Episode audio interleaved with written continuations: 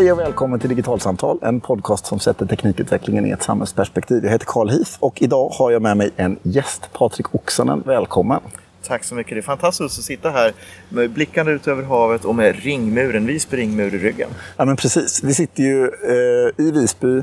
Det är en eh, lite gråmulen dag, eh, mitt i Östersjön. Och vi ska prata om eh, några av dina favoritområden, tror jag. Du är ju journalist och ledarskribent på Mittmedia och du har ju ett eh, särskilt engagemang för försvars och säkerhetsfrågor, kan man säga. Mm. Eh, och det senaste, ja, vad kan vi säga, åren egentligen, så har du haft en ganska så aktiv och hög röst när det kommer till frågor om information, desinformation, nyheter, hur de sprids, eh, krafter som intresserar sig för svensk politik och hela det spannet. Mm. Och för många så, eh, vi hör ju begrepp som fake news hela tiden. Det räcker med att öppna ett eh, Trump-tweet eh, så får man det rakt i nyllet. Fake news, so sad, sad, so sad. Ja, men precis. Och man undrar liksom, vad är det här för en konstig värld vi lever i när liksom Twitter har kommit att bli någon form av liksom politisk arena. När, ehm, och där den här typen av begrepp liksom ändå är så aktiva som de är i debatten. Men innan vi liksom nördar i varför och sånt där så kanske vi ska bara prata om begreppen i sig självt. Begreppen håller på att bli väldigt urvattnade, precis som du är inne på. Och det är egentligen för att man kastar in massa olika saker i de här begreppen om man vill prata om desinformation eller fake news.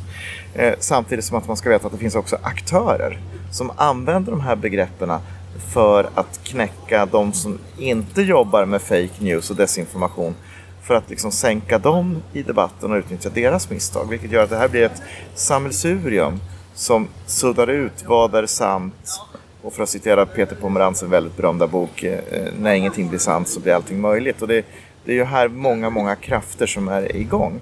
Men om jag bara ska börja med liksom vad jag tycker är, är så att säga om vi ska tänka oss eh, mentalt en, en, en, ett trafikljus med gult med grönt, gult, rött, det är den ordningen på det, inte, inte gult först. Eller? Eh, så skulle jag säga att, att problematiskt, ja, visst, men, men som ändå förekommit och förekommit länge på den gröna nivån, det är till exempel eh, dålig journalistik, man slarvar. Så här, kvälls, eh, Kvällstidnings ja. eh, så till exempel. Man missförstår eller man, man, eh, man, ah, man kanske bara okunnig och drar felaktiga slutsatser. Det finns inget ont uppsåt i det. Det blir fel. Det är dåligt att det blir fel. Journalistiken måste bli bättre. Men det finns inte en, en medveten avsändare i den felaktiga... Så liksom rutten journalistik som är aningslös, kan ja, vi säga så? rutten aningslös journalistik mm. som borde kunna leverera bättre till exempel. Eller i, i, en politisk debatt bara helt oskyldiga missförstånd. Eller på Twitter är det väldigt lätt att missförstå varandra. Jag menar 140 tecken som är gjort för att missförstå varandra. Eller långa haveristiska Facebook-debatter. Eh, sånt, sådana misstag uppstår alltid i mänsklig kommunikation. Eh, sen har vi nästa nivå som jag skulle kalla för gult. Då. Ja, men då har du kanske till exempel politiska aktörer som genar lite grann för att det ska bli bättre i budskapet, bli lite vassare, som som en retorisk knep missförstår vad du säger och angriper det du inte säger med det man målar upp att du säger. Så liksom där man inte kan man säga tillämpar generositetsprincipen på något plan, utan man säger illvillighetsprincipen råder. Nu ska jag läsa dig som fan läser Bibeln ja, och så ja, driver jag en agenda utifrån de ja. liksom, snuttarna där. Som Precis, jag, jag ska vinna debatten till varje pris och, och krossa i debatten. Det är liksom en, en gul nivå. Och eh, i det också så kan man väl kanske lägga till eh, lite olika eh, alltså, många gånger är de här ideologiska aktörer eller sajter som bedriver ideologi. Då kan jag också lägga in PR-byråer i det här också. Som vill påverka. Eller fackförbund som vill påverka. Du har en agenda du vill påverka och du är beredd att och gena lite grann och inte vara så generös mot motståndaren. Så det behöver inte nödvändigtvis vara falskt, det är bara det att det är i en kontext inte heller helt sant. Nej, precis. Eh, och det är också helt normalt i vårt samhälle, vår samhällsdebatt har varit det väldigt länge. Sen har vi liksom en, en röd nivå i det här. Och då börjar det bli intressant, för då börjar du få ett sammelsurium av massa olika saker. Och ska vi ta en sak så är det ju liksom att den digitala revolutionen har ju möjliggjort för ett nytt typ av entreprenörskap. Eh, att producera saker och få intäkter på det. Och då finns ju väldigt många som har upptäckt att lögn får ju mer kick än sanning. Och dessutom är ju lögnen en unik historia sanningen och, och liksom det allmängodset i nyheter, det har ju alla. Eh, och då finns det ju entreprenörer både i Sverige och i andra länder som har liksom upptäckt att ja, men jag kan få hyfsade bra intäkter eller till och med leva på det här väldigt, väldigt gott i, i, i Makedonien till exempel.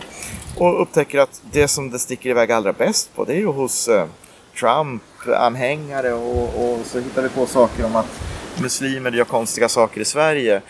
Och, och, och, eh, och sådana där saker som bara svingar iväg och så rullar dollarna in på, på kontot när, när Google betalar ut eh, kickbacken på Google-annonsen eller YouTube-klippet eller vad det kan vara. Eh, sen i nästa så har du liksom extremister av olika slag. Du, jag menar salafisterna, eh, Islamiska staten är ju väldigt skicklig på digital kommunikation, skräddarsyr mot olika målgrupper, eh, skrämma sina motståndare med, med bomber och halshuggningar och måla upp eh, ett väldigt fint socialt välfärdssamhälle med, med kvinnofrigörelse i sin tappning gentemot den målgruppen man vill attrahera och värva. Men kan man säga så att egentligen, alltså, även på den här röda nivån som du beskriver nu, så det fanns ju egentligen före digitaliseringen också? Ja, men här får du den, den, den räckvidden som blir global, som blir snabb. Eh, jag menar, om du, om du går tillbaka, och här kan vi prata Ryssland lite mer sen, men om vi går tillbaka till kalla kriget, 80-talet, om du skulle göra den här påverkansoperationen i något annat land, så skulle du behöva liksom, skaffa tryckpress, eh, göra någon tidning, det krävs helt andra ekonomiska investeringar, det blir ganska uppenbart vad du håller på med. Eh, här kan du sitta någonstans annanstans i världen och det liksom sprider sig eh, överallt och liksom hittar, och så hittar du fans och bärare av det här som du kan radikalisera i bubblor och så vidare. och så vidare. Så det är den delen som är det nya, inte så att säga lögnen eller desinformationen i sig själv. Okej, så det är, själva spridningsmekanismerna har digitaliseringen ja. möjliggjort? Ja, och, och möjligheten då att, att förstärka ett radikaliserat budskap. Därför att i, i, tidigare i, i lokalsamhället så du kanske hade extrema idéer men du var ensam. Du hade inte mötesplatserna på samma sätt. Här får du global möjlighet att att känna dig tillhörig i en grupp med samma värderingar. Det var lite svårt liksom där på bruket om, om, om Olsson var den enda som var, var nazist eh, och alla andra var, var inte nazister. Men idag så har du med de här nätverken möjligheten att, så att säga, vara en del av en klubb som är global fastän du i din fysiska närmiljö är ganska ensam. Ja. Och sen har du liksom i det här har du ju eh, aktörer med pengar och det kan vara stater, det kan vara Eh, andra aktörer som har liksom politiska, ekonomiska intressen som, som också då kan förstärka det här med botnät och sånt. Det kan ju du bättre än vad jag kan. Eh, så att prata om. Och sen kan vi lägga till då eh, statsaktörer som försöker påverka. Och tittar vi då liksom på statsaktörer och statsliknande aktörer som bedriver påverkan mot Sverige så kommer på första plats Ryssland, sen är det ett hopp ner till Daesh, Islamiska staten, sen en bit längre ner och så börjar du hitta länder som Kina eller länder som har eh, så att säga exilintressen i Sverige, Iran, eh, Turkiet och så vidare mot, mot sin diaspora. Och när man kommer till att prata om statsaktörer så dyker ett annat begrepp upp ofta och det är det här desinformationsbegreppet som ja, man pratar om. Ja. På vilket sätt är det liksom, är det samma som fake news eller är det liksom, hur står de sig mot varandra, sådana här begrepp? Alltså det finns ju en överlappning i all, hela den här begreppsapparaten så att desinformation är ju ibland fake news. Men desinformationen kan ju också vara väldigt utstuderad. Ehm, man smyger in saker och ting i ett sammanhang. I maj 2015 så intervjuade TV4 Viktor Kremenjuk, eh, Institutet för USA-Kanada-studier, ett institut som grundas av Antropov. Och då kanske man ska komma ihåg, vem, vem, vem var det nu den där Andropov? Jo, men han var och vi kan ägna oss länge åt att prata om Andropov, men den korta historien är att han skickade desanter, det vill säga agenter, in i Finland från Karelen under fortsättningskriget och var han ansvarig för Komsomol där. Han var aktiv i att slå ner upproret i Budapest 56. Han tog över direktoratet för desinformation på KGB, blev KGB-chef och sen generalsekreterare. I Sovjetunionen? I Sovjetunionen. Eh, och i det här institutet då har en intervju med TV4 där de ger sin syn på, på läget och så. Och nu sitter vi på Gotland och här kommer ihopknytningen. Då säger han att Gotland, ja, tänk om det kunde bli neutralt och demilitariserat. Och här kommer desinformationen som det var på 20-talet. Det där passerar ju förbi TV4s filter för reportrarna reagerar inte. Redaktören reagerar inte att det där var något konstigt och så går det rakt ut. Och så börjar man sätta bilden att så här är det militariserat och neutralt har det varit tidigare. Gotland har aldrig haft den statusen. Eh, så att där smyger du in desinformationen. Eh, sen... Så allt liksom runt omkring kan vara helt så här rimligt, vitt, men så liksom glider in någonting ja. som gör att... Och för en lekman då, som inte liksom vet vem man Dråpov är och inte liksom... Om man sitter hemma och... och inte ja. kan gotländsk historia. Ja, det, det är ju ganska svårt. Det är ju uppe på läktaren då. Det här är Ryssland väldigt duktig på att göra. Och, och tar vi då svensk journalistik saknar kunskaper att se, förstå, begripa att det här finns liksom ett mönster som man jobbar med eh, hela tiden. Och, eh, och gärna liksom att man hoppar led eller smyger in bisatser och sådär för att förvrida vår uppfattning och förvrida saker. Sen ska man komma ihåg att Ryssland jobbar med trollfabriker, eller så att det, man, det finns uppskattningar som säger att Ryssland har runt uppemot 10 000 personer som jobbar heltid med, med så att säga, desinformation och trollfabriker på nätet. Eh, det kan man jämföra med om du lägger ihop eh, vad som finns i Europa och då säger uppskattningarna att om du lägger ihop alla nationella myndigheter och EU eh, som jobbar med att följa, förstå eh, eh, och blottlägga desinformation så pratar vi låga hundratal. Och så vet vi också att lögnen springer ju lite snabbare än sanningen. Och sen är det väl också ett problem, alltså, vi vill ju leva i ett öppet och fritt demokratiskt samhälle. Och vi vill tillåta en fri och öppen debatt ja. och vi vill ha fria och öppna medier. Eh, och här blir ju det väldigt svårt om man är journalist, tänker jag. Alltså hur, hur agerar man i relation till den här typen av information och situation? Man läser liksom bloggar på nätet och ja. följer Twitterflöden och liksom, ja, hela frågan om källkritik blir väldigt, väldigt klurig. Ja. Och det är det här som är problemet då. Nu åker någon eh, liten bil förbi här som ni säkert hör ljud. Men, men det är det som blir problemet här, för att det här blir ju oerhört komplext och svårt. Eh, ambassadör Viktor Tatarintsev intervjuades av Svenska Dagbladet och då måste, återigen, liksom, det finns så många olika saker han säger som man måste ha koll på i så många led. Och en journalistik då som är under kri i kris, för det får vi säga att den är, av eh, både ekonomiska skäl men också av att det har förändrats eh, i, i attityd. Postmodernismen har bitit sig in i journalistiken. Jag var på ett seminarium tidigare här i Almedalen där en person sa att ja, men om någon journalist ringde mig för 15 år sedan så var den första frågan Kan du någonting om det här? Och svarade jag nej då, då frågade de vem kan jag ringa istället då? Eh, nu är första frågan vad har du för åsikt om det här? Eh, och där får du liksom journalistikens problem i det här. Där, där så att säga, den gemensamma verklighetsbilden vittrar sönder till bara bli åsikter.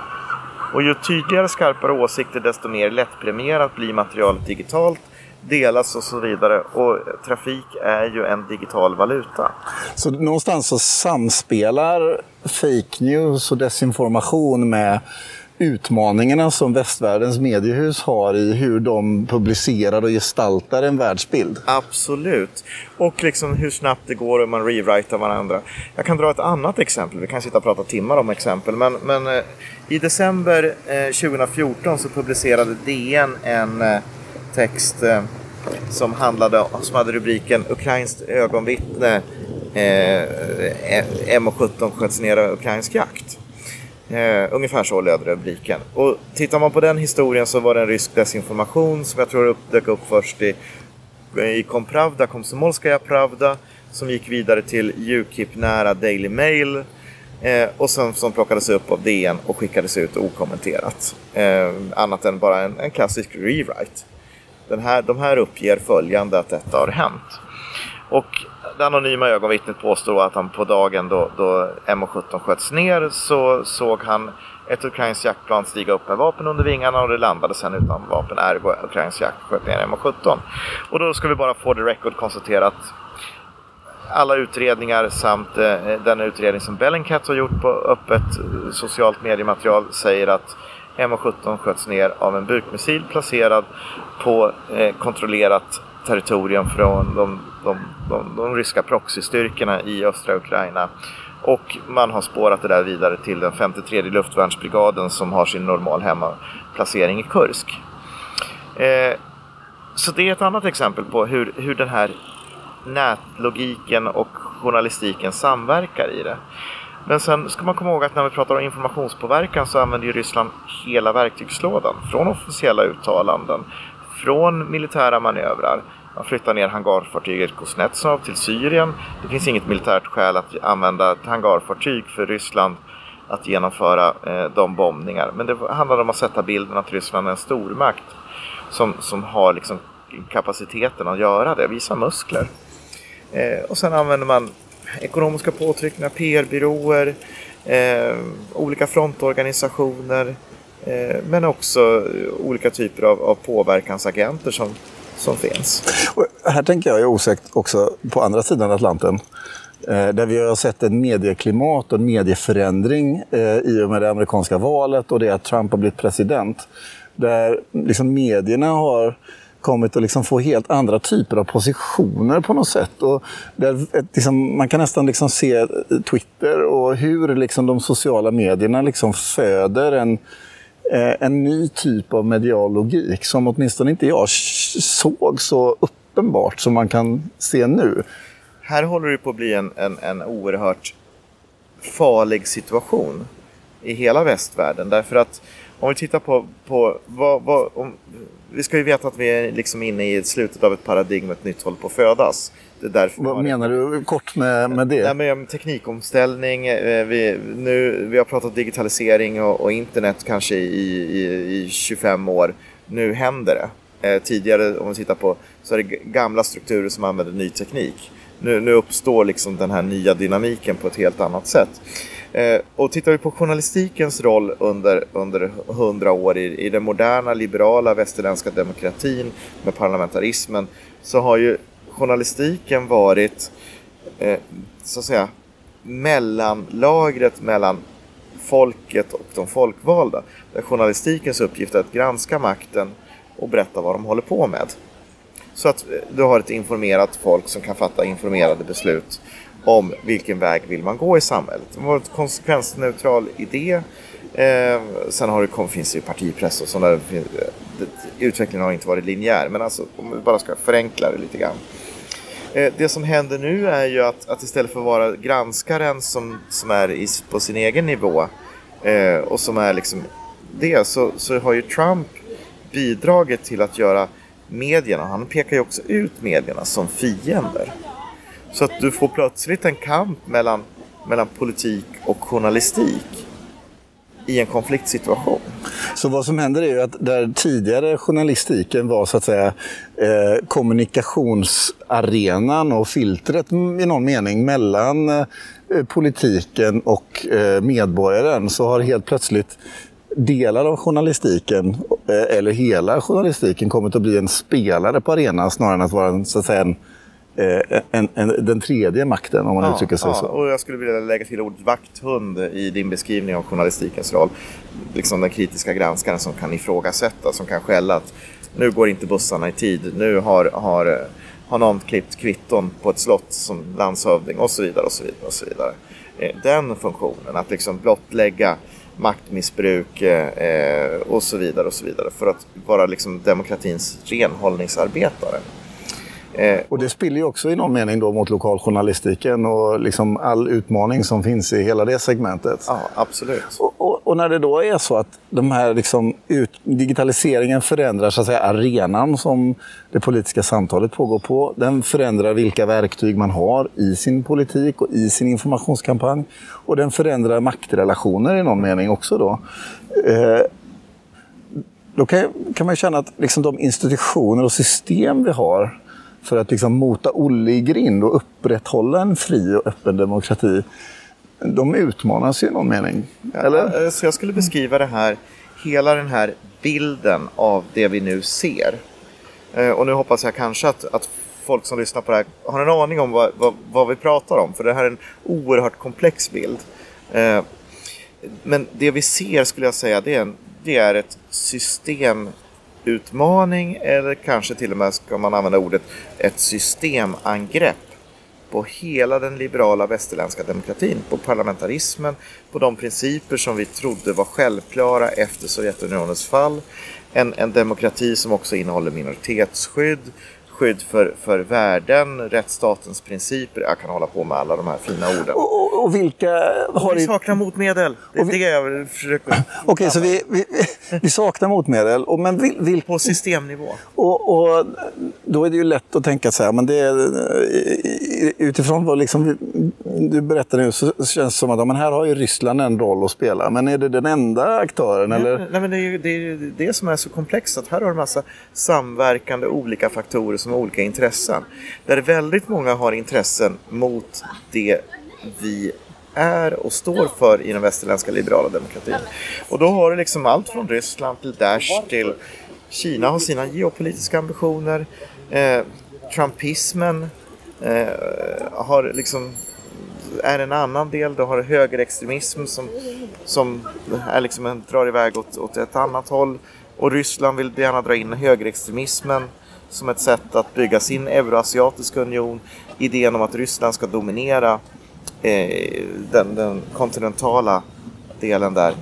På, på, från liksom Vladivostok till, till eh, Marseille eller Brest eller eh, ja, vad du vill nu på, mot franska Atlantkusten sen.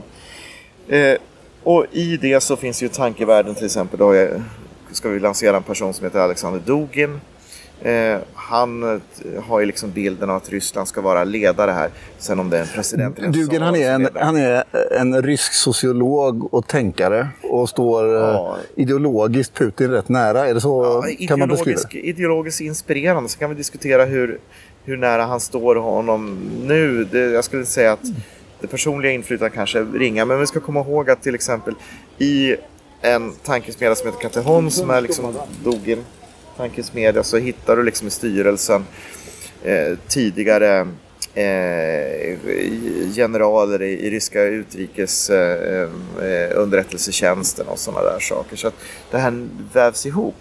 Och Dugin ges ut av ett svenskt förlag. Så den här ryska ideologen har en svensk förläggare? Ja, som knyter ihop sig sen med, med Richard Spencer från alt-right-rörelsen i USA. Eh, så att vi ser liksom ett nätverk av massa olika aktörer på väldigt många olika nivåer. Och många gånger kan de här nätverken löpa liksom på olika politiska kanter och, och sådär. Man kan se i Sverige kan du hitta hur, hur de här rör sig. Både vänsterextremister och högerextremister. Du kan plocka in fredsrörelser, du kan plocka in massa andra aktörer. Eh, och de är inte längre från varandra i det här digitala eh, havet vi nu ser en, ifrån varandra en, en gemensam Facebookgrupp eller en gemensam Facebookkompis. Och så flödar det här och kokar upp. Samtidigt som att nätet bidrar till att göra människor mer... Ja, alltså det finns, bygger upp en ilska. Eh, man, det byggs upp hat. Eh, allt... Alltså vi ska vara medvetna om att det har baksidor och vi börjar se baksidorna nu. Och någonstans när man hör dig berätta om liksom den här liksom, nätverket så får man liksom nästintill konspirationsteoretiska... Ja, liksom, men, men, men, man ska komma ihåg i det här, det, det, är ju inte, det är inte en konspirationsteori och det är inte en masterplan eller så här, utan det här är ju hur olika saker i vår tid föser ihop olika grupper med disparata uppfattningar. Och många ser ju inte ens vilken roll de spelar i det här. Så det här är liksom inte frågan om att liksom alla de här aktörerna som du pratar om nu, de sitter ner runt ett bord och så bestämmer de hur de ska nej, göra. Nej, nej, det är inte så det är. Utan... Det är inte den stora konspirationen, utan det här är liksom ett, ett nätverk som, som skapas av vår tid med de tekniska förutsättningarna som förenas i, i sin eh, motvilja mot, mot samhället på något sätt. Det finns massa olika drivkrafter i det här och i en demokrati så är många av uppfattningarna som finns legitima. Men det som händer är att man är inne och förstärker varandra i det här. Så nu står vi, nu, nu är det eh, sommaren 2017. Om inte drygt ett år så har vi val i Sverige. Eh, vad innebär detta i termer av liksom det kommande svenska valet? Om man ska liksom förstå information i en tid av kampanjer och mycket politisk retorik och information och så vidare. Hur, hur ska man tänka liksom ur ett medborgarperspektiv när man, när man är i den här komplexa verkligheten? Gud bevare Sverige. Jag kanske ska utveckla det svaret också. Men, men, Väldigt gärna. eh, Men eh, jag har sagt eh, eh, när jag var ute och pratat att valrörelsen 2018 kommer att bli den svåraste, den mest komplexa och den farligaste vi har upplevt. På vilket sätt då? Därför att vi ser så många saker som är, och nu hittar jag bara det engelska ordet, disruptive. På massa olika sätt. Och det finns också olika logiker som, som eh, förstärker varandra i det här. Hur media uppmärksammar saker. Jag menar, ta till exempel, nu sitter vi i Almedalsveckan i Visby. Det är fredag.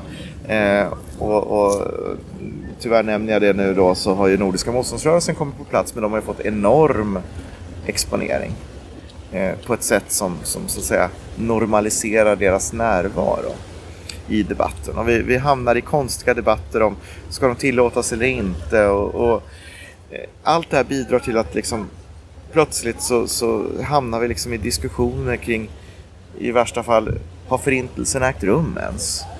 Eh, och, och då är vi liksom så långt ute på, en, på, på plankan så att det är väldigt farligt. Och så lägger vi till det här som kan hända med, eller som vi med, med, med god anledning kan anta kommer att hända.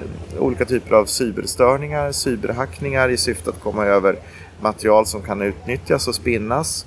Samtidigt som att det finns väldigt många intressen runt omkring i världen på en global arena för sina syften som gärna ser att det går åt helvete med Sverige.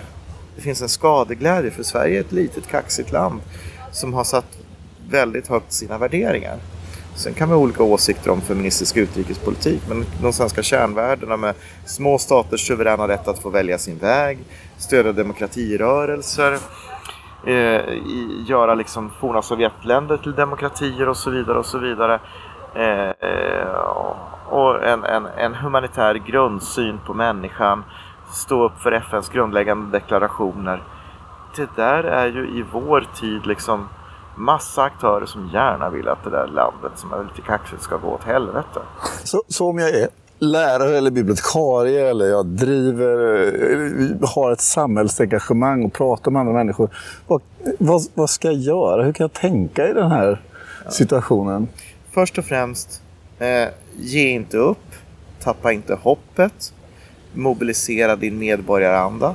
Och just det, prata med folk. Prata, prata, samtala om vår tid. Samtala om vilket land vill vi leva i. Vilka värderingar ska det präglas av? Hur vill vi att det ska fungera? Hur vill vi att vi ska uppträda mot varandra? Eh, och sen bli mer och mer medveten om vad är det för krafter i rörelse just nu? För vi har ju en massa andra krafter också som är i rörelse som skapar rädsla. Eh, jag tänker till exempel på robotisering, artificiell intelligens som stöper om arbetsmarknaden. Migrationskrisen har skapat stor rädsla och oro för framtiden hos många. Man känner inte igen sig, upplever en del. Eh, rädsla finns, men vi måste prata om den för att komma ut ur den och hantera de saker som vi tycker behöver hanteras. Men det finns väldigt många som vill exploatera rädslan för rädslans skull. Så vad jag försöker säga är, var inte rädd, men var beredd. Då fick jag in en klyscha också. Patrik Oksanen, tusen tack för att du var med i Digitalsamtal. Med detta är dagens podcast slut. Surfa gärna iväg till Facebook och gilla vår sida Digitalsamtal där vi samlar våra och postar våra avsnitt. Vi finns också i Facebookgruppen Digital samhällskunskap där ni gärna får diskutera samhällen, samtalen vi har. Och har du en fråga till oss, tveka inte att höra av er. Vi finns på bland annat Twitter på ett digitalsamtal. Och skulle det vara så att ni Prenumerera på, på oss så får ni jättegärna rate oss i något form av verktyg så vi kommer högre upp i sökresultaten och fler får möjlighet att hitta till oss. Men till nästa gång, hej då!